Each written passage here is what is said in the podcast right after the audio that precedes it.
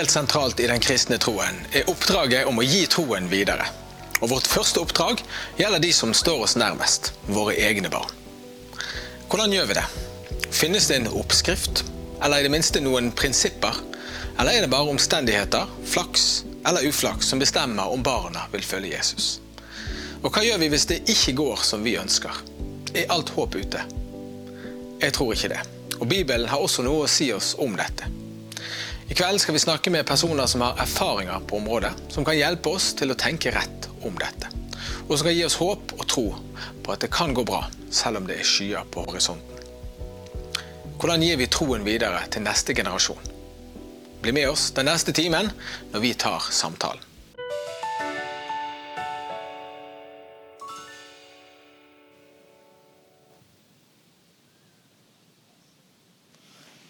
Jeg sitter her med Chris Mork. Velkommen til deg, Chris. Tusen takk.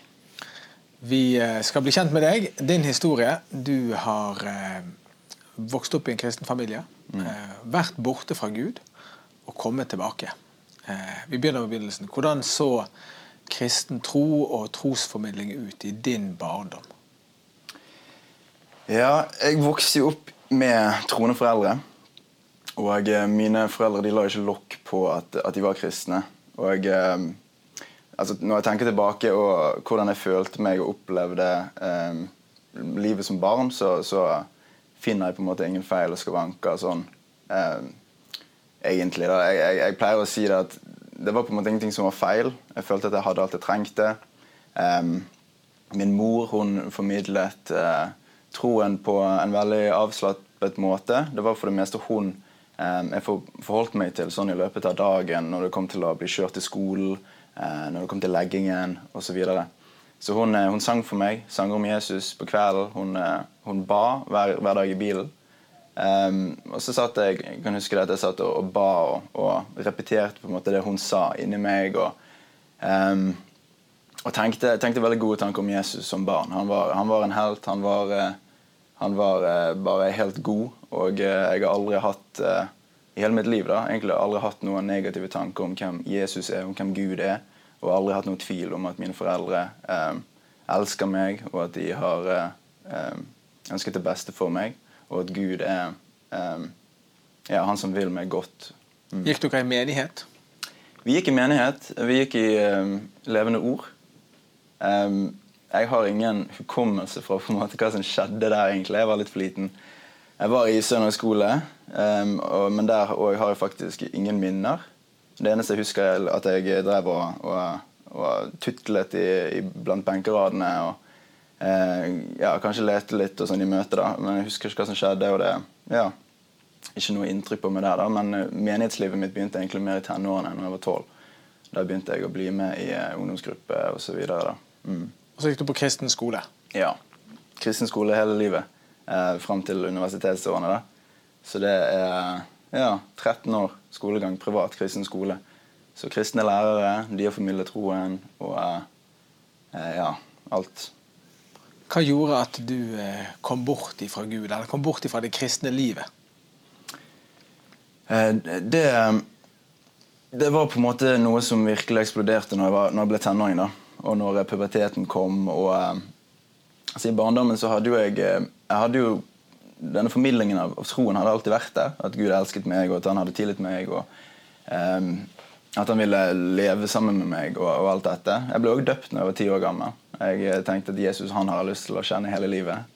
Um, men når disse dragene kom, og disse nye tankene kom, jeg begynte å bli mer sånn selvstendig, begynte å tenke sjøl, um, så, så, var det veldig kort vei for meg faktisk å, å begynne å gi veldig utløp for, eh, for, hvem jeg var i min natur. Da. Jeg begynte å gi utløp for alle disse dragene jeg hadde, det, om det kom til uh, jenter, om det kom til uh, spennende, altså alt som var spennende og ikke var lov. Så greide jeg på en eller annen måte å, å gjøre meg opp nye tanker om, om uh, hva som var greit for meg å gjøre og ikke gjøre. På mine egne premisser. da. Og jeg brøt på veldig mange måter med det jeg visste egentlig var det jeg skulle gjøre. Og så videre. Men jeg hadde jo denne nådesforkynnelsen veldig sterkt i, i grunn. Så jeg tenkte at Eh, at Gud han eh, kom til å eh, like meg uansett, og han kom til å elske meg uansett. Og det, og det er sant på, på, på alle måter, men, men, jeg tok det på feil måte. da, Og brukte det som et påskudd for å, eh, gjøre ting på min måte. De gamle de snakket om å synde på nåden. Mm. Var det det du gjorde? Ja, det var det jeg gjorde. Jeg tok en veldig billig nåde. Og jeg, og jeg visste ikke hva, hva, hva, disse tingene betydde, og hva Gud eh, ville utrette. Flere generasjoner kristne på begge sider i din familie. Eh, hvordan kunne det da skje, tror du, eh, med den veldig klare historien du har i din slekt? Um, altså, jeg hadde jo Min, min slekt og sånn, og, og, og hele foreldregenerasjonen og oppover, det var på en måte litt på avstand. Og det er det for veldig mange unge. Vi, vi, har det litt på avstand. Ikke når vi er barn, men når vi blir uh, ungdommer, da, så, så, ønsker vi å, å, rive oss litt løs. Så uh, det var uh, Jeg fikk ganske frie tøyler òg til, til, å gjøre det. Så om jeg, ikke, om jeg ville være med venner hele tiden, jeg ville sove over hos kompiser og så, så, fikk jeg lov til det. Det ble ikke lagt noen veldig hardt sånn tøyler på meg. da. Men når, når, dine foreldre skjønte at du var ute å kjøre, at du drakk, at du var med jenter, at du gjorde ting som de visste ikke var galt. Hvordan håndterte, altså var galt. Hvordan håndterte de det? Ja, det var, det var, veldig lett å holde det litt skjult. Men, men, noen ganger så kommer det gjerne fram. Noen som forteller dem noe, eller noe, ja, noe de ser. bare, sant? Eh, og da, det, det, var noen samtaler da, som ble tatt. Og Det gjorde veldig inntrykk på meg, og da ble jeg veldig eksponert. og Jeg forventet det ikke, og jeg var egentlig ikke helt klar over på en måte min egen, hvor, hvor dypt det gikk. dette her da. Så det var, eh, det var, noen sånne episoder, da. Men for det meste så greide jeg å holde det tyst. For jeg var ikke Ja, jeg var mye vekke fra, fra hjemmet, egentlig. Hvordan gikk det til at du eh, fant tilbake til Gud, eller du tok et oppgjør med det livet du levde? Mm. Vel, jeg hadde jo eh, Jeg begynte å kjenne mer på konsekvenser av de tingene. Det var noen av de episodene jeg nevnte, da. Som, de, de var ganske seriøse. Og det ble ganske seriøse konsekvenser. Um, så litt etter litt så begynte jeg å våkne litt opp til, til at dette ikke gikk rette veien. Men, eh, men, det kom egentlig til et punkt når jeg var 20 år gammel. da, Så hadde jeg hatt en kjæreste i flere år. Eh, og det ble slutt. Jeg har vært i militæret, har hatt en dårlig opplevelse av det. Og så satt jeg og var veldig uten mål og mening i livet. egentlig. Så da jeg begynte å lete etter en sannhet noe, og et fundament for livet mitt, en retning. Og jeg, og jeg fant ut at eh, både damer eller eh, penger eller status eller hva det måtte være. Det var ikke nok. Så eh, i det stedet der da, så, så opplevde jeg at Gud han kom og, og, møtte meg. Og det var det øyeblikket som, eh, som virkelig, virkelig gjorde forandringen. da. Det står i Bibelen at den som søker Gud, skal finne han. Mm. Du søkte på internett. Mm. Du vokste opp med troen. Men så søkte du etter Jesus på Google. Ja, på Google. Fortell om det øyeblikket, hva som skjedde. Ja, så Jeg satt på loftet da, og så satt jeg med disse tankene, og jeg var veldig eh, jeg var veldig langt nede. da. Ikke deprimert, eller noe sånt, men veldig sånn, ja, tenkende. Og så fikk jeg denne tanken da, at kanskje, kanskje Gud, som en liten sånn siste utvei, kanskje Gud kunne være denne meningen. Og så... Um, følte den tanken. Jeg gikk på nettet. Jeg hadde en PC min der, til, eh, sånn, så jeg bare gikk på den og uh, søkte på Jesus Christ på Google. Og Jeg uh, klikket på det første som kom opp. Det var en YouTube-video. Og Der var det to menn som satt og snakket, litt sånn som vi gjør nå. egentlig. Bare litt mer sånn, komfortable sånne skinn, skinnstoler uten bord. og sånn. Hva de pratet om, husker jeg ikke. Um, jeg husker egentlig ingenting utenom da navnet Jesus ble uttalt da, for den første gangen i den videoen. For når det ble sagt, så traff det meg um, på, på, en måte jeg ikke forventet i det hele tatt. Jeg hørte det, og så ble jeg rørt som uh, på en måte jeg aldri hadde blitt rørt før. Og jeg begynte å grine umiddelbart. Og jeg tenkte hva i all verden er som skjer nå? Jeg, jeg, jeg var, uh, det var som om, ja, det skjedde noe som jeg ikke var helt på en måte hang med på eller kunne skjønne. Og så, uh, og så bare gikk det sånne innseelser opp for meg ut av det blå. da. Jeg, jeg så episoder og disse hendelsene hva, hva, jeg hadde gjort som venn, som bror, som sønn. Og så gikk det helt opp for meg at Oi. Dette her var mye verre enn det jeg trodde. Jeg er mye verre enn det jeg trodde. Jeg er faktisk eh, en veldig ussel person. Jeg er en synder òg. Jeg var helt nede på at dette her eh, var mye verre enn det jeg trodde. da. Og det gikk opp for meg på en måte. ja. Og jeg satt og grein over det. Men samtidig da, så, så gikk det òg opp for meg eller ikke bare gikk det opp for meg, men jeg kjente det faktisk fysisk i kroppen. Og det er noe jeg aldri hadde kjent før, og nesten ikke kjent siden da, utenom en annen gang. da. Og da kjente jeg eh, som en flammende kjærlighet i, i, brystkassen på meg. En så sterk følelse faktisk av kjærlighet at jeg eh, ikke kunne begripe det. Og, og liksom, når du har det i hodet, at du er en synder, du er så liten, du er så feilbar osv., samtidig som du kjenner den vanvittige kjærligheten på innsiden og bare vet at dette er fra Gud, og at dette er Guds kjærlighet du kjenner på, eh, det var for meg eh, veldig vanskelig. Det var en stor kontrast. Så jeg gråt enda mer, og jeg bare kjente det at Gud han var der i rommet. Jeg kunne nesten plassere han. Og, og ja, Det var så sterkt at, at, eh, nå fikk jeg på en måte det svaret, og jeg fikk den sannheten og jeg fikk det fundamentet som jeg kunne bygge livet mitt på videre. Det jeg letet etter, og det er at Gud han elsker meg. Og, eh, og, ja, dette skal jeg nå liksom gå for. Mm. Dette er fire år siden. Eh, du har levd eh, med Jesus siden den gangen, gått mm. bibelskole og har, har, gått all in, som det heter så fint. Yeah. Vi skal straks få inn to gjester som skal hjelpe oss med å snakke om din historie og hva den har å si for oss alle, for de av oss som har barn og barnebarn. De fleste har en tanke om det å gi noe videre til neste generasjon. Vi spurte noen folk på et kjøpesenter hva de tenker om det, å gi det videre til neste generasjon.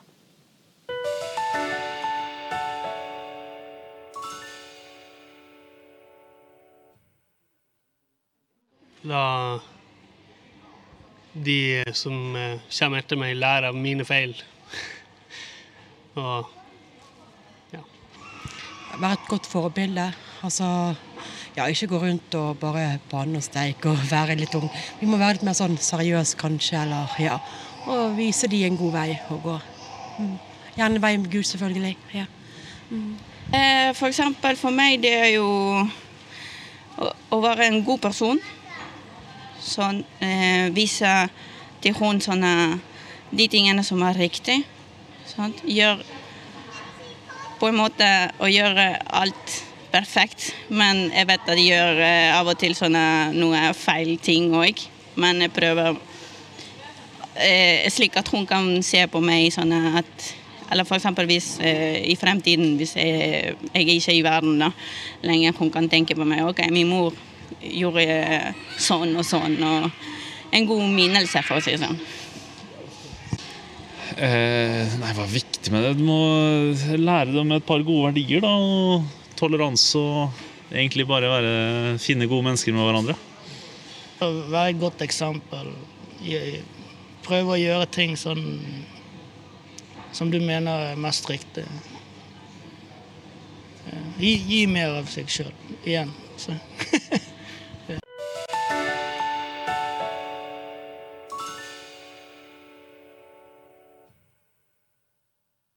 det var Folkets røst, altså.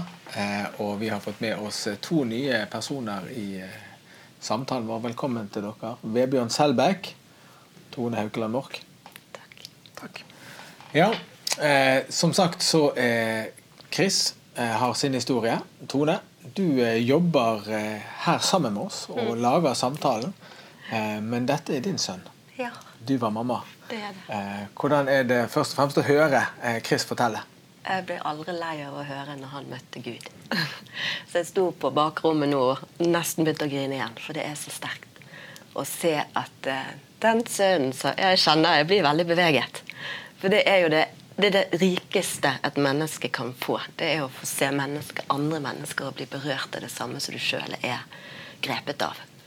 Og at Kristoffer uh, fikk et møte med Guds kjærlighet igjen, alene på gutterommet Pappaen og jeg satt i stuen og visste ikke det. Men vi hørte at han grein. Vi visste ikke helt hva som skjedde. Og så kommer han ned, og så er hele livet hans egentlig forandret fra da av. Og han, var, han ble bare ugjenkjennelig. Fra en som jeg faktisk kalte for en drittsekk. Og høy på seg sjøl. Ikke bare du. Nei. Og var veldig fortvilet mange ganger over ting han rotet seg opp i.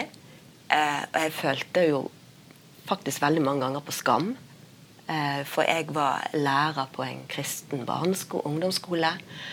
Eh, jeg hadde på en måte jeg, følte jo på en måte at jeg prøvde så godt jeg kunne. sant? Pappaen prøvde. Vi ville jo så veldig gjerne. Men så visste vi òg at vi er ikke de som kan overbevise, for ingen av oss er Den hellige ånd. Det er bare Den hellige ånd som kan overbevise. Og det er jo en gave, og, og vi må ta imot. Nei, det, jeg kan snakke timevis om dette her, eh, Bjarte. Ja, men eh, du må fortelle eh, når du skjønte at eh, Chris eh, gjorde ting han ikke burde. Mm. Ting som stred veldig mot det som dere hadde lært han, og det som troen eh, eh, skulle på en måte veilede han i. Mm. Eh, Hvordan håndterte du det? Det er jo naturlig å tenke at man kan bli både sint og fortvilet, Mm. føle avmakt osv. Eh, hva tenkte dere i den fasen? Eh, Det var vel eh, det vi Altså, vi snakket mye sammen. Altså hvis det, ting ble, kom fram. Og noen ganger så var jo det bare en følelse som vi hadde hjemme. Nå er det noe. Eh, og vi ba veldig mye for han. Og besteforeldre og andre som kjente han, som trodde på bønn, de ba for han. Eh, så han hadde folk rundt seg på en måte som bar han i bønn. Eh, og, og så måtte vi konfrontere. Så det var noen litt vonde, vanskelige samtaler som Vi satt vel egentlig og grein alle sammen. Og, og var veldig sånn Hvordan skal vi gjøre det? Og Samtidig så visste vi at vi kan ikke overbevise han om noen ting. Det er Han må ta egne valg. Og det har vært veldig viktig for, for oss hele tiden at vi aldri presenterer den kristne troen eller vår tro og, og fellesskap med Jesus som en tvangstrøye. For det er ingen tvangstrøye. Det er frihet. Det er en glede. Det er, det er den trygge havnen. Det er den der gode favnen som vi får være i. Uansett hvordan livet skriker imot oss, så har vi et sted å gå til. Og det var jo det vi ønsker, og ønsker for ungene våre. Sant? At de skal finne den havnen der. Uansett hvordan livets opp- og nedturer er, så skal de få gå et sted med det. Og når vi så han rota på og ikke helt visste hvor han skulle plassere ting, så Vi pekte jo hele tiden. Vi prøvde jo. Eh, men vi kunne jo ikke tvinge. Vi kunne ikke Vi måtte jo være der. Prøve å spille som en god medspiller, men ikke på hans spill. da. Mer med, med de reglene vi tenkte var, var de beste. da. Men Du sier at dere ba til Gud. Hva sa du til Gud? Eh, Nei, hva jeg sa, hva jeg skreik, hva jeg ropte, eh, kjeftet og smelt. Jeg, jeg er veldig sånn direkte og ærlig på ja, mange måter. Og Gud, han vet jeg tåler alt av meg. Eh, og eh, ja, jeg, har, jeg var på rommet hans, f.eks. når ikke han var der. Så kunne jeg be der på rommet. Det var veldig mye grining. eh, eh, fordi at jeg vet òg at Gud han skjønner jo disse tårene. For noen ganger du har ikke ord. Sant? Det er bare en fortvilelse. Sant? Og du er, du er bekymret, kanskje. Vi, jo, vi skal jo ikke bekymre oss, vi skal jo stole på Gud. Ja, men det kommer likevel. Eh, og, og jeg ga bekymringen, jeg ga fortvilelsen. Men så òg så hadde jeg en sånn Jeg hadde jo en sånn sikker på at Gud, jeg vet du hører. Jeg vet du ser. Og jeg vet du holder på. Så jeg var på en måte ikke Jeg var ikke sånn redd for at ikke vi skulle få bønnesvar, hvis du forstår meg. Eh, men det var bare det at jeg hadde ikke så lyst til at det skulle gå så mange år, skulle gå så lang tid før det kom. Jeg var veldig sånn eh, Nå må du komme! Men du holdt fast i troen? Ja. Ja, den, eh, den, den det, det går ikke på altså, Har du smakt Jesus og kjent på hvem han er? Det bærer det. Det bærer. Hva sier du, Vebjørn, når du hører eh, mor og sønn? Nei, jeg syns det er eh, vakkert, og, vakkert å se. Og så tenker jeg jo at det, det er jo en historie om eh, og at det som man har formidla som foreldre, selv om man ikke på en måte, ser at det har effekt nå, så er det noen ting som er sådd, Ja. og som, eh, som kommer til å bære frukt i sin tid. Da. Så jeg føler også at det er et veldig sånn budskap av håp. Sånn, selv om man ikke ser det i det naturlige, så er det det man har Alt man har gitt barna sine av eh, trosformidling og av bønner og alt dette her, det kommer til å, eh, kommer til å, å bære frukt, sånn som det har gjort hos, eh, hos Chris. Da. Så det er et veldig vakkert og, og håpefullt budskap, syns jeg. Familien Selbekk er jo en eh, legendarisk gjeng. Eh, deg og din Katarina og dine barn. Fortell om eh, hvordan dere som familie har praktisert dette med å gi troen videre. Ja, dette er jo et, er jo et uh, spennende område, og sikkert for mange også et, et, et sårt område. og det er, det er et område der det, der det ikke er noen av oss som er noen eksperter. Sant? Vi føler jo at, eh, at eh, kanskje mer på tross av enn, enn på grunn av at, at, det, at, det, har gått eh, fint med våre barn. Vi var jo veldig unge da vi ble foreldre. Jeg var jo 21 da jeg ble pappa, 23 var tobarnsfar, og, og som 27-åring hadde jeg tre barn. Så det var, det var, tidlig. Og, vi, vi, og så er det sånn med barn, de kommer ikke med noen bruksanvisning heller. sånn at, så ting er jo, det er jo ikke lett, dette her. Men, men det vi det vi la vekt på eh, fra, fra første stund, var jo fordi troa er så viktig i livene våre, så, så, er jo det med barna er jo den, den første misjons, og viktigste misjonsmarka vår. Å gi, det, gi budskapet videre. Sant? Det er jo også det er jo sentralt også i den eh, jødiske arven, jødisk-kristne arven. Du skal gi det videre, det som du har fått. Så vi har alltid lagt uh, vekt uh, på det. Uh, be sammen med, barna. Eh, vi, var, vi hadde en veldig anstrengt eh, økonomi de første årene da vi var småbarnsforeldre. Men det vi bestemte oss for, det at vi skal, vi skal Er det én ting vi ikke skal spare på, så er det eh, godt kristent eh, innhold for barn. Sånn at barnebibler, barnekassetter som det var den gangen Du vet jo kanskje ikke, nesten ikke hva en kassett er. CD-er, eh, video Eh, bøker, sånne ting. Det la vi vekt på at ok, vi, eh, vi, må kanskje spare på andre ting, men her skal vi på en måte, på det området skal vi ha de kule greiene. Det skal ikke stå på det. i hvert fall Vi får heller spare på noen ting til oss sjøl, men, men, vi skal gi det, gi det til, til, barna. Så, så eh, eh jeg leste og ba med, med barna mine hver, hver kveld og, og, lærte dem å be og alt dette her. Og så er det en, en, en ting som, som, eh, som jeg syns er veldig viktig, og det er at eh, man må være autentisk med, med, i familien. Altså, du, må, du, kan kanskje sitte her på TV og så kan vi smile, og sånt, men barna dine de ser det akkurat sånn som du er. Og, eh, og hjemme hos oss så er det både kona mi og jeg vi er litt sånn lettantennelige folk. Sånn at det kan av og til gå en sånn kule varmt i heimen. Og da, da har det vært viktig å måte vise det helt sentrale i kristen tro. At vi er alle syndere. Mor og far er det òg. Og vi, må, eh, vi har behov for, eh, for, tilgivelse. Vi har behov for frelse og forsoning. Og det å kunne be hverandre om tilgivelse som ektefeller, men også som foreldre ved barna om tilgivelse. Når du, når du ikke alltid gjør det som er, som er, riktig. Det tror jeg også har vært en sånn fin fin formidling av det helt sentrale i den kristne tro. Det, det behovet som vi, som vi, alle har for, for, frelse, og for dypest sett for frelseren Jesus Kristus. Når eh, du ble veldig kjent eh, i dette landet, så var det fordi at eh, avisen din magasinet, trykket Muhammed-karikaturene. Det ble et spetakkel uten like. Jeg vil nesten si verken før eller siden. Eh, det gikk veldig utover din familie. Ja. Eh, hvordan tenkte du om det? det jo, du hadde ikke noen andre å skylde på. Eh, den, den, smerten du hadde påført familien din. Ja. Hvordan var det å tenke på eh, hva konsekvensene kunne bli for dem? Nei, altså man, man, eh, man ser jo at en sånn, eh, en sånn ting det, kan, det, har et potensial til å sprenge en familie. Altså, mm. det, kan, det, kan, pulverisere totalt. Det kan pulverisere relasjonen din til barna. Det kan ødelegge ekteskapet ditt. Altså, det er så mye som står på spill. Men det er klart når en mor må stille seg spørsmålet er det, er det farlig for barna mine å være sammen med far sin. Fordi er, det er så mange som vil ta livet av en. og Hvem vet hva som kan skje da, og hvilken måte det kan gjøres på. Så det er klart at det, er, det bryter på veldig dypt vann for en mor. Og, og selvfølgelig for, for, barn. De var jo små den gangen. altså De var 9, 13 og 15 år da dette skjedde. Og en veldig sånn sårbar alder.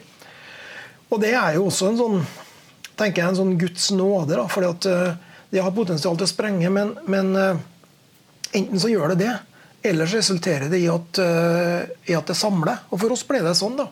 At Det ble på en måte en sånn feeling den gangen at det er oss mot hele verden. Vi, vi, vi, opplever dette her, og vi skjønner egentlig ikke det som skjer. Hvorfor er det altså alt, Politiet, livvakta, hele det styret, PST, alle sånne ting.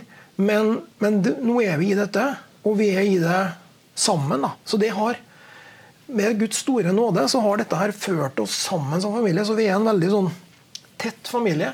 Vi, vi, har liksom opplevd noen ting sammen som egentlig ingen andre har opplevd. Og det har også blitt en sånn styrke i, i, i gjengen vår. Så vi, vi, har det veldig veldig gøy sammen og er mye, er mye sammen. Så, men, men det er det er Guds store, store nåde som er veldig veldig ydmyk innenfor oss. Og det kunne virkelig ha gått på andre måter, dette her. Det er mye å takke for. Ja, veldig, veldig mye å takke for. Tone, tilbake til deg og Chris. Eh, det at Chris hadde den eh, avsporingen, om du vil. Mm. Er det noe du tenker dere kunne gjort annerledes? Eh, måtte dette skje? Var det noe i han som gjorde at han måtte teste og prøve, og så komme tilbake til Gud? Eller kunne dere gjort noe annerledes? Har du stilt deg sjøl det spørsmålet? Å ja, det, det, har vi. Og um, jeg tror alle foreldre uansett ville kunne tenke at ja, vi kunne gjort ting annerledes når ungene var små. Um, pappaen sier at han tenker at det var en periode han var Altså, det var veldig mye jobb, eh, og det krevde veldig mye. Eh, så da var ikke ressursen der at det var så veldig på med ungene. For han tenkte at eh, Tone fikser det.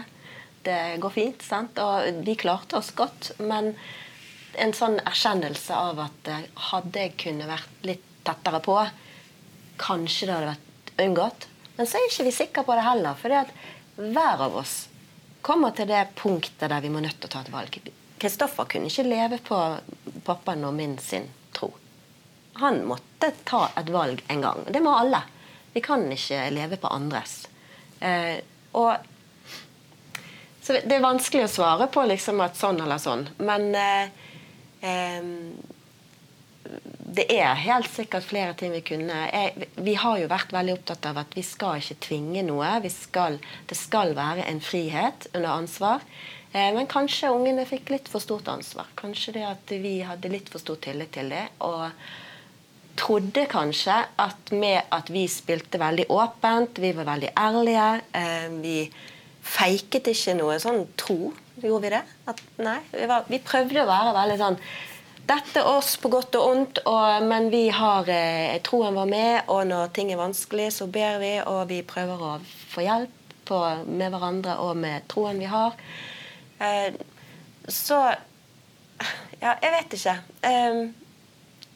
Jeg tror alle må bare komme der til at de, de, er nødt først til å ta et valg sjøl. Vi som bor i eh, verdens vakreste by, vi har eh, muligheter til å velge blant menigheter. Det er det ikke alle som har. Mm. Mange steder så er det bare ett bedehus eller en forsamling. Eh, det der å velge hvilken menighet man skal tilhøre, hvilket ungdomsmiljø man skal gå i, det kan jo være ganske viktig og skjebnetungt, egentlig. Du fortalte meg, Chris, at eh, du skulle ønske, når ungdomslederne dine så at du var i ferd med å, å vike fra det, som, uh, det kristne livet, at de hadde sagt eh, ifra til deg og vært tydeligere.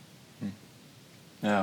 Hvilke refleksjoner har du rundt det der med ungdomsleder og deres rolle? Ja, Det var noe av det første som slo meg da når jeg var kommet tilbake, eller Gud hadde hentet meg inn, da, skikkelig, så var det eh, Jeg begynte å lese Bibelen for første gang.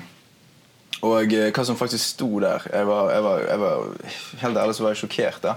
Det var så annerledes enn det jeg eh, hadde inntrykk av. Og det var mye blanding av Det var ikke bare forkynnelsen. altså Det var ikke det som var på en måte det var liksom, Jeg hadde greid å forvri det veldig mye, da, og jeg hadde tatt det, det jeg ville høre. Og, uh, så jeg var helt overrasket over er det faktisk dette som står. Og dette var veldig mye mer uh, tydelig enn en det jeg trodde. Og det var veldig mye mer uh, Det var litt hardere på noen ting enn det jeg trodde. sant? Så, og så begynte jeg å se tilbake. Men jeg var jo helt åpenbart totalt på trynet når det kommer til hva Bibelen sier om det kristne liv. Og om hva det vil si å faktisk ha en levende tro.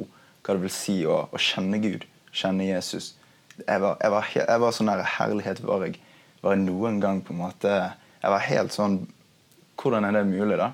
Og jeg, jeg var så, på en måte så, så tydelig òg med, med, hvordan jeg var. Um, jeg la ikke lokk på humoren min, jeg la ikke lokk på disse tingene. I, I, disse kristne settingene så, så, tullet jeg på en sånn grov måte. Sant? Og jeg fornærmet folk. og jeg var skikkelig sånn in your face. da. Og så, og så, og så tenkte jeg tilbake, og jeg husket ingen episoder der jeg ble tatt til side. Der det var eh, en som, eh, som, som virkelig pratet til meg og, og, og forklarte meg eh, på en måte min egen tilstand. Eller prøvde på en måte å få meg til å innse min egen tilstand ut ifra skriftene eller ut ifra hva, hva, hva, troen er, og så, og så videre. Um, og så skylder jeg ikke på uh, menigheten for, for, det var, for hvordan jeg var. Sant? Og det hadde sikkert ikke hjulpet. Jeg hadde mest sannsynlig vært for stolt til å høre.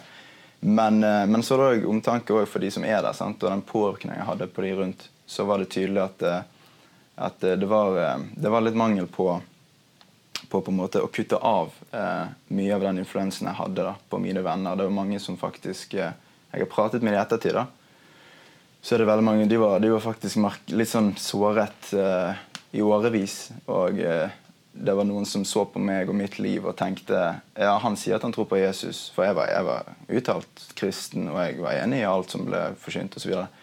Men, eh, men når jeg ser på hvem han er og hvordan han behandler meg, så er ikke Jesus noen jeg har lyst til å ha noe med å gjøre. Det var faktisk en uh, contributing factor da når det kom til folks uh, uh, vantro, til og med. Så, så, det er farlig å la ting bare surre og gå da, når du ser noen som virkelig mangler. Vebjørn, du har vært i den kristne journalistikken. Fulgt liksom trender i forkynnelse og teologi. Og det var jo en fase der nådeforkynnelsen ble veldig vektlagt. Det er litt av det Chris forteller innledningsvis her òg, at det ble en billig nåde. Ja. Eh, hva tenker gjør du om det? Altså, vi er enige om at familien er det viktigste stedet der troen formes, men menigheten har en kjempeviktig rolle også. Ja, det, det er kjempeviktig. Og, og, eh, nei, men altså, Teologiske strømninger kommer og går, og akkurat den typen forkynnelse som du snakker om her, det, det har sine fallgrupper. Altså, jeg tror jeg, at det var store utfordringer knytta til det. Men ellers så er jeg opptatt av hvor viktig det er også i en uh, familiesammenheng at mor og far prioriterer menighetslivet. Og det er klart, I en småbarnsfase så det kan det være, være hektisk også, å få på alle strømpebukser og luer og greier og komme seg på møte på søndag. og sånn.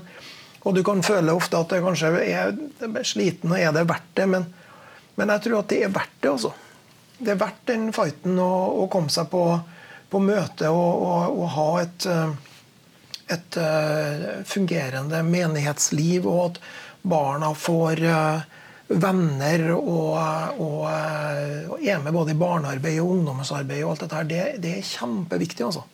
Så det, det, tror jeg er en av nøklene til å til i hvert fall gi en god start og gode muligheter, er at, at, mor og far prioriterer det og tar med barna. At man som familie, at kirke og menighet er noe som man er med i som familie. Tror jeg er veldig sentralt. Vi skal eh, straks få noen gode råd eh, fra alle som sitter her, eh, men se bare på dette først. Ser du på Live med venner? Det burde du. Da får du servert en time med god stemning og interessante temaer om samfunns- og menighetsliv. Og ikke minst trosstyrkede refleksjoner fra Bibelen. Det hører også med. Du er så velkommen til å henge med oss på tirsdager klokken ti. Live med venner sendes på Facebook, på Kanal 10 og på Bedehuskanalen. Da ses vi på tirsdagene.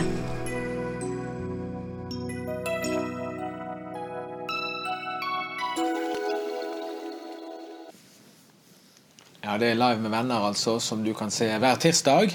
Eh, Tone, jeg må spørre deg eh, eh Hvis man kommer i en situasjon der eh, barnet, eh, ungdommen, ikke vil eh, Du har din egen reise knyttet til den tiden når Chris gikk sin egen vei. Men hva bør folk tenke? Det sitter sikkert mange der hjemme som er akkurat den situasjonen som du var i.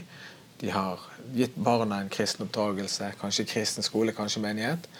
Eh, og så, så kommer tenårene, typisk. Og så kommer opprøret. Eh, hva tenker du eh, man bør gjøre? Det første en skal gjøre, tenker jeg, det er å gi barnet til Gud. Og å være en forbeder. Og be for barnet. Og ikke tvinge. Det, jeg har ikke tro på tvang. Så jeg tenker å være en, en god medspiller. Hjelpe der barnet trenger hjelp eller den ungdommen, eller den voksne for, for det, delta i livet, være tilgjengelig, stille opp. Trenger en sjåfør, ja vel, da er vi der. Kristoffer han visste han kunne ringe hjem uansett hva tilstand han var i. Så kunne han ringe, og han ble hentet. Og da hentet vi gjerne flere venner òg som ikke hadde foreldre som stilte opp. Og sånn at de kom seg trygt hjem. For det var i ulike tilstander de ble ja, hentet de. Uh, og, så jeg tenker du må være der, uansett alder på det barnet. Om det er en tenåring, eller om det er 30 eller 40. Eller, ja, jeg tenker bare at eh, du skal være der. Og så skal du være til stede i bønn. Det, det tror jeg er det viktigste. Og det kan jo si at å bli hentet når du er full, og kanskje andre ting, og du sitter i bilen med en mor som du vet lever på en helt annen måte, og som gadd å komme ut og hente deg, selv om du vet hva, hva hennes standpunkt er på disse tingene, eh, det, det var med òg på liksom Du sitter der, og så er du egentlig litt skamfull. Eh, ikke på en dårlig måte, men du ser at OK, min mor, hun, dette er ubehagelig for henne. Hun er ikke enig med det jeg holder på med, men hun, hun strakk ut en hånd. Hun var villig til å på en måte gå litt ned. Um, ja, ikke sitte på noen høy hest og liksom Ja, hun var villig til å komme, og så sitter jeg her nå og jeg blir kvalm og jeg må spørre om kan du kan du stoppe, for jeg må spy. Og kanskje jeg jeg vet ikke om jeg spiller på bilen. Jeg tror ikke det. Jo, jeg gjorde kanskje det. Så, og så tenker du bare at uh, dette er med på å liksom uh, virke litt inn på deg. da, at at um, ja, Her sitter på en måte en mor som er et bilde på noe rent for deg, i hvert fall som et barn og som en ungdom. Um, uh, og så, ja, så blir det litt sånn speilbilde. Så det tror jeg var veldig virkningsfullt òg, faktisk. At det ikke blir en sånn 'jeg er enig med det du holder på med'. sant? Nå, for det er kanskje det vi er litt redd for når vi begynner å hente og begynner å bli litt for sånn um, ja, Som om det skulle være liksom et, uh, et godkjent stempel på hva du holder på med å hente. Men uh, ja. Mm. Nei, for det, Du var jo aldri i tvil om egentlig hva vi tenkte, men vi trengte jo ikke mase så mye om det. For det, det, det var jo parkert. Mm. Kristoffer visste hvor vi sto. Han tvilte, det, det trengte jo ikke du tvile på, men vi kunne jo ikke fordømme oss. Altså, hva er det det? Han har bare holdt på enda lenger, da, tenker jeg. Sant? Han har jo bare forsvunnet helt ifra oss, på en måte. Mens vi ønsket jo at han skulle komme, ta med vennene hjem istedenfor. Vi lagde nyttårsfest for deg. jeg satt i kjelleren, og pappaen var i Nordsjøen. Og, så, og vi sendte Altså, vi prøvde å være der, tilgjengelig. Men det er en viktig ting for det vendepunktet som skjedde hjemme. For det var jo egentlig min kjære mann som ga han han ba en veldig farlig bønn til Gud. Og han ba om Gud forandre hjertet mitt. Der han kom til det steget i livet der han bare kjente at jeg må ha en hjerteforandring. Og det er Gud som må gjøre. Og når, når Bjarte, min Bjarte eh, gjorde det, så endret veldig mye seg. Da snudde ting. Det var, og det sa jo du òg, at det var noe som forandret seg hjemme hos oss. Mm. Ja, Det var jo tydelig det var på en måte et lite vendepunkt. Det er ikke et lite vendepunkt, men jeg, det var ingen som visste om det. Jeg visste ikke om det. Jeg vet ikke om du visste om det. Han var bare så lei av seg sjøl, faktisk. Han følte at han hadde feilet på så mange områder, sviktet på så mange områder, som far, som, eh, som eh, ektemann. Eh, så han var bare så lei og, og, og ja, litt, litt den innstilling jeg sjøl hadde på en måte i, i mitt liv uh, ett år før det skjedde med meg. Og det er litt som om uh, altså når, noen, når, du er en far i et hjem, og det, du eier hus, og du, sant, du har en viss posisjon, en viss rolle sant, som, som, Gud har satt. Og det å åpne den uh, døren til Gud og, og, være helt ydmyk og trengende foran Han, så, så åpner det uh, slusen på en måte inn i familien òg. Fordi at du er faktisk en representant for familien. Sant? Og det, det er jo skrifter på det at, at, barna er helliget ved foreldrenes tro osv. Så, videre, så det, det, er, det er tydelig en sånn, en sånn beiende greie da, når man, når man sjøl er helt bare åpen for Gud, og man søker Gud, og man ikke eh, har blitt liksom lunken sjøl og, og prioriterer alle andre ting. Og, ja, så det tror jeg virkelig var et vendepunkt for oss alle. Ja, for det at når han da han begynte å be veldig mye mer, tok bønn veldig alvorlig. Mm. Eh, og det gjorde jo eh, det ble lett for meg å henge på der, sant? for jeg hadde vært med i bønnegrupper før. Og sånn. Eh, og så var vi to som ba mye, og så så vi bare hvor eh, den kommunikasjonen mellom far og sønn For det står i Bibelen at eh, Gud vender fedres hjerter til sønn, sant? og sønn til fedrene. Og hvordan bare mannen min fikk en spesiell kontakt med hver av sønnene våre. Eh, hver av de. Det var, det var helt spesielt å, å, få lov å være med og se. Ja. Eh, og hvordan bønn eh, ble veldig viktig og veldig samlende for oss i, i hjemmet vårt. Ja. ja nydelig. Vebjørn, du er blitt bestefar. Ja. Fantastisk. Helt fantastisk. Hva tenker du om eh, besteforeldrerollen? Hva planer har du for å være ja. et godt kristent forbilde? Jeg tenker litt det eh, samme som egne barn. da, og eh, Prøve å være autentisk og peke på, på sentrum i kristen tro. Nå har vi litt mer økonomi, nå, så det kan bli enda, mm. enda finere sånn gaver. Men, men satse på, på, gaver som formidler tro. ikke sant? Og nå er det, jo, det er et så rikt utvalg av det. Eh, det var jo også sånne dataspill og bibelspill og masse sånne ting. Så nå er den bare to år, da. Men, eh, men, eh, men, det skal vi investere masse i. Og, og jeg håper også jeg kan bruke mye tid med den. Og så det, tror jeg også det at jeg savna det veldig i mitt eget liv. fordi at mine, mine besteforeldre var henholdsvis døde eller bodde i, i Øst-Tyskland. Øst ja, bak muren. Så det, jeg, jeg vokste opp uten Uten, jeg hadde bestemødre, men jeg hadde ingen eh, bestefar i livet mitt. da. Og Det har jeg tenkt ofte på. Det et, var et stort savn. For det er litt sånn eh, for meg er liksom en bestefar noen ting som du kan gå til, og så kan han fortelle deg litt om uh, hvordan livet egentlig er, og du kan si ting til han som du kanskje ikke kan si til pappa og mamma. og sånn. Så sånn bestefar har jeg lyst til å være. Som, som kan, kan, ta disse her samtalene, og, og som det kan være fint å åpne seg for. da. Det er i hvert fall den visjonen som jeg har for det. Men du, du, Da må jeg gi deg et tips. Ja. Fordi at eh, Mosse, morfaren til Kristoffer, ja. han har gitt eh, ene sønnen vår actionbibel. Ja. Har du sett den? Den eh, kjenner jeg til, ja. Ja, Den. Ja. Sant? den. Og det ene gutten har nektet å lese, men den, den leste han fem ganger. Og det, var, Den var med og, og ga eh, mye inspirasjon. Vi bruker så mye penger på oss sjøl, mm. men vi må bruke det på barna altså. Eh, kjøp fine ting som, også, som, det er kult å lese. Mm. Kult å engasjere seg i. Ja, Det tror jeg er et godt råd. Jeg har utfordret alle til å eh, komme med noen råd. Du har eh, presentert dine, sant, eh, Tone? Det var sånn jeg forsto deg i sted. Vebjørn, ja, du har noen? Ja da, jeg har, jeg har nå presentert noen av dem, jeg òg. Men en av, en av tingene som det her med å være autentisk å snakke om, det her med å prioritere menighetsliv og det med det med å, å, å, bruke penger på å investere i, i, i fine ting, eh, trosformidlende ting til barna. Men, men en siste ting som, eh, som, så vidt har vært nevnt, som, eh, som, også har vært viktig for oss, det er dette med kristen skole. Vi, har, vi bestemte oss for det da vi fikk barn, at barna våre de skal gå på kristen skole. Så det har Alle våre tre barn har gått alle årene på grunnskole på kristen skole. og det det er også en ting som kosta en del. Og i tider med trang økonomi så, så uh, var jo det også en sånn utgift. Men jeg føler at det er noe av den fineste gaven som jeg har kunne ha gitt til barna. Fordi at uh, så er det jo litt omstridt dette med kristen skole. Noen mener at uh, jo, det er fint at barna går i offentlig skole, og det kan sikkert være grunner for det. Og, men et argument som jeg ikke uh, syns er så bra, for eh, at barn skal gå i offentlig skole, det er at eh, jo, men de må på en måte de må, de må stå for troa si der, liksom. tenker jeg, Ja, men eh, la oss som er voksen, stå for troa vår. Og så lar vi barna få vokse opp i, i, et miljø, i et kristent miljø, så langt det lar seg gjøre. For det kommer tidsnok den tida da tro blir, det blir satt, spørsmålstegn ved tro, og de tingene der blir utfordra.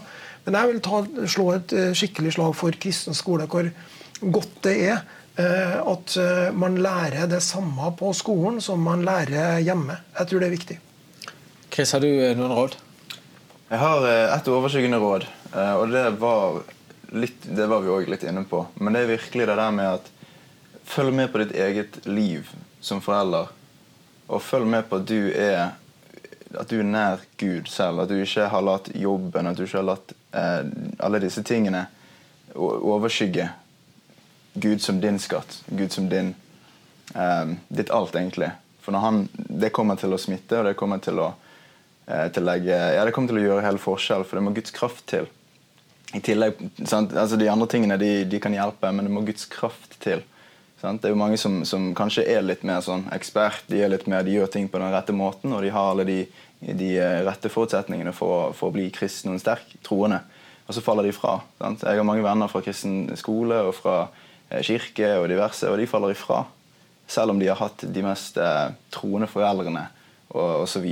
Fordi at eh, ja, Jeg vet ikke hva som er grunnen der, men, men eh, be for dem, og det er bare Gud som kan holde dem. Og det er bare en ekte, sann, levende tro som kommer til å overleve, uansett hvilket miljø. Jeg har våget med på noen råd, jeg også.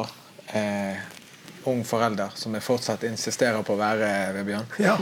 Eh, du er inne på det med å, å bruke pengene sine. Eh, og én ting er å kjøpe fine ting, men, men det å vise at vi prioriterer, det er jo en, en symbolsk handling. Altså, vi prioriterer å reise på kristne stevner selv om det koster mye penger. Vi prioriterer å kjøpe barnebibler og den type ting. Vis med prioriteringene dine at troen er viktigst. At det går foran alt annet. Eh, det andre det er å være tett på barnas liv. Eh, på de tankeprosessene som de går gjennom. Eh, sånn at de kan eh, både eh, Det er ikke sikkert at de åpner seg med en gang, men når de merker at de har noen å gå til, så kommer det øyeblikket veldig fort i et barns liv. Og ikke minst følg med hvilke venner de har, hvem de omgir seg med, og, og hvilken innflytelse de har på, på barna. Og eh, mitt tredje råd det er å snakke naturlig med dem om Jesus og troen. Og vise hva troen betyr for deg gjennom at du deler det. Tror I vår familie så Det har ikke gått en dag der ikke Jesus har vært nevnt i en eller annen måte. Eh, og jeg hører om familier som har familieandakter og faste sånne ting. Vi har liksom aldri gjort det. Men Jesus har vært en naturlig del av samtalen i vår familie. Eh, og det tror jeg også kan være et godt eh, råd. Eh, før vi får en andakt her, Tone, hva tenker du i dag? Det er mange som er i den situasjonen som du er i, og som er besteforeldre, og som har ungdommer. Vi var inne på det i sted. Jeg spør deg igjen. Hva betyr dette for deg, det som du er som har skjedd med Chris? Og hva er tanken din til de som er i samme situasjon? Det er, altså det, Jesus er skatten. Og har du funnet han, så har du funnet det viktigste i livet. Og det er han som kan gi retningen. Han vet det beste framover, for han er i framtiden òg.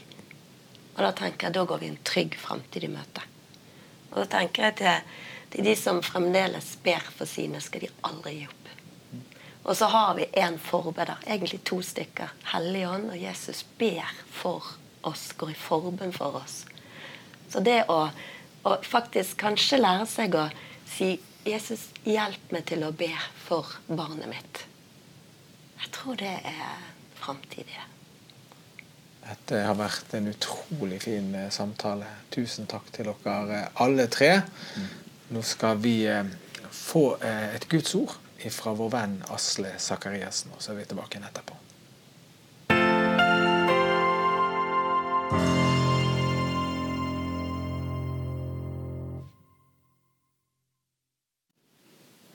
Dette med å gi troen videre til neste generasjon opplever jeg som et felt som nesten ikke kan overdrives. Jeg husker når jeg studerte på psykologisk fakultet her på Universitetet i Bergen, eh, så hadde jeg en professor som var ansvarlig for bachelorprogrammet som jeg tok. Når vi nærmer oss slutten av det bachelorprogrammet, så hadde han en liten appell til oss, der han oppfordra oss og sa noen av dere må ta og fullføre løpet. Og med det mente han at vi måtte ta mastergrad og doktorgrad og sjøl bli professorer i faget. For som han sa, hvis ikke noen av dere tar videre det som her er gitt, så vil vårt fag dø ut i løpet av én generasjon. For meg ble det et tankekors òg i forhold til det kristne livet. Dette med at vi som generasjoner, forskjellige generasjoner har fått skatt ifra Gud som vi kan få lov å formidle videre til de som kommer etter oss. Tenk om det kan være sånn at de som kommer etter meg, kan få ha mitt trosliv sitt tak som utgangspunkt for sitt liv.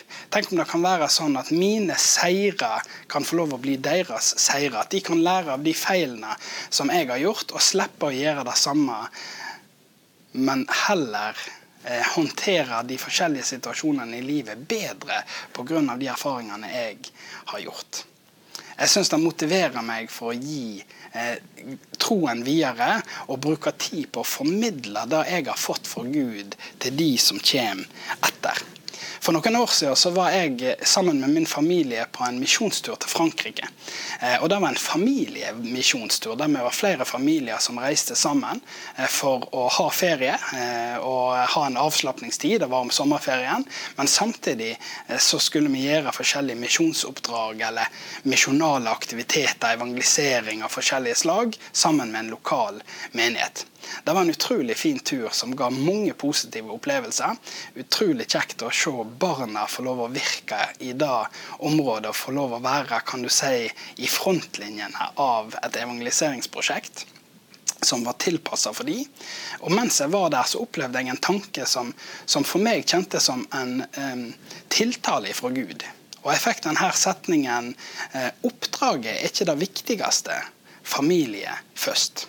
Når jeg fikk dette ordet, så var jeg jo veldig klar over at oppdraget vi har fått om å gi evangeliet videre til nasjonene, var utrolig viktig.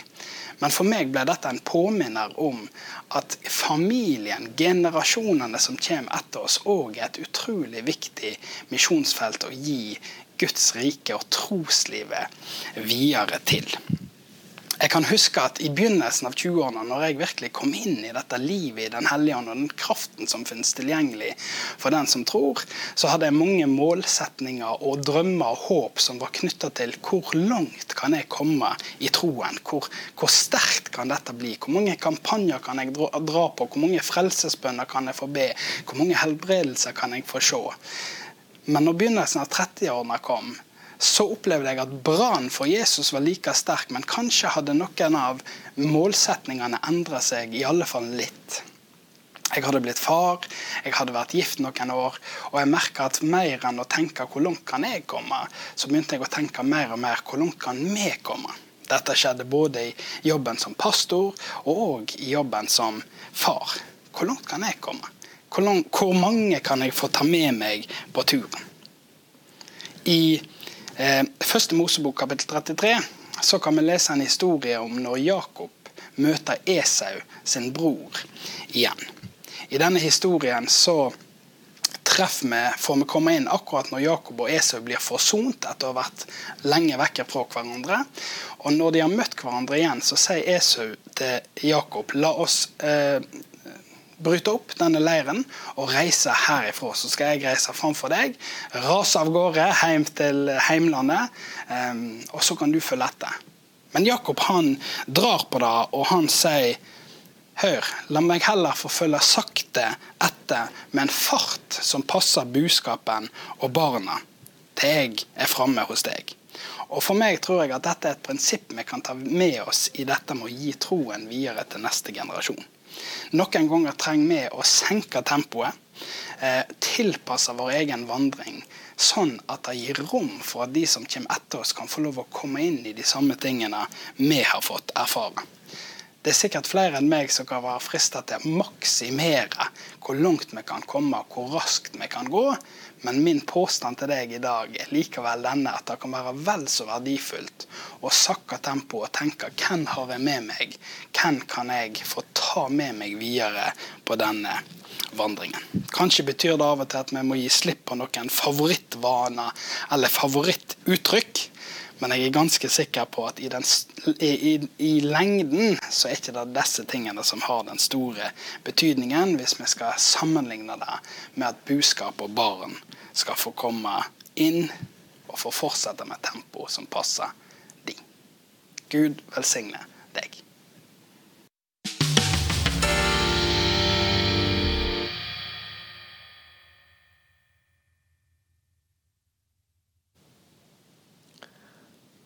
Jeg håper du fikk noe ut av eh, vår samtale. Eh, så takknemlig til eh, Tone, Vebjørn og Chris som var med oss. Takk til Asle som holdt andakten. Dette er et tema som vi har tilnærmet oss med varsomhet, fordi vi vet at det er sårbart for mange. Jeg håper du tar dette ordet til deg hvis du er blant de som tenker at du skulle gjort noe annet, eller kanskje det er din feil at ikke barna tror. Det er ingen fordømmelse for den som er i Jesus Kristus. Og så er det et annet ord som du kan gripe fatt i. Tro på den Herre Jesus Kristus. Så skal du bli frelst, du og ditt hus. Det er et løfte du kan holde på, og det kan du be om. Takk for at du fulgte oss i kveld. På tirsdag er vi tilbake med Live med venner. Og på torsdag er det Samtalen igjen. Da er temaet tilgivelse. Til vi ses igjen, ønsker deg bare Guds gode velsignelse, og tusen takk for i kveld.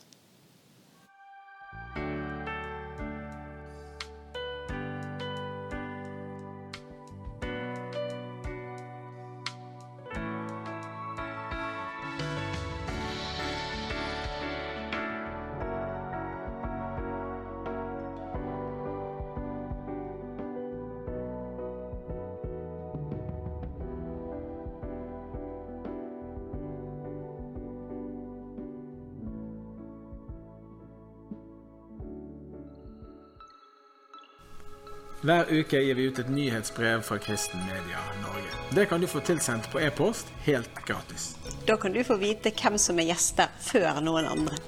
Der får du se videoer, kommentarer, andakter og annet innhold fra oss. Gå inn på nettsiden kristenmedia.no og registrer deg, så får du nyhetsbrev fra oss hver uke.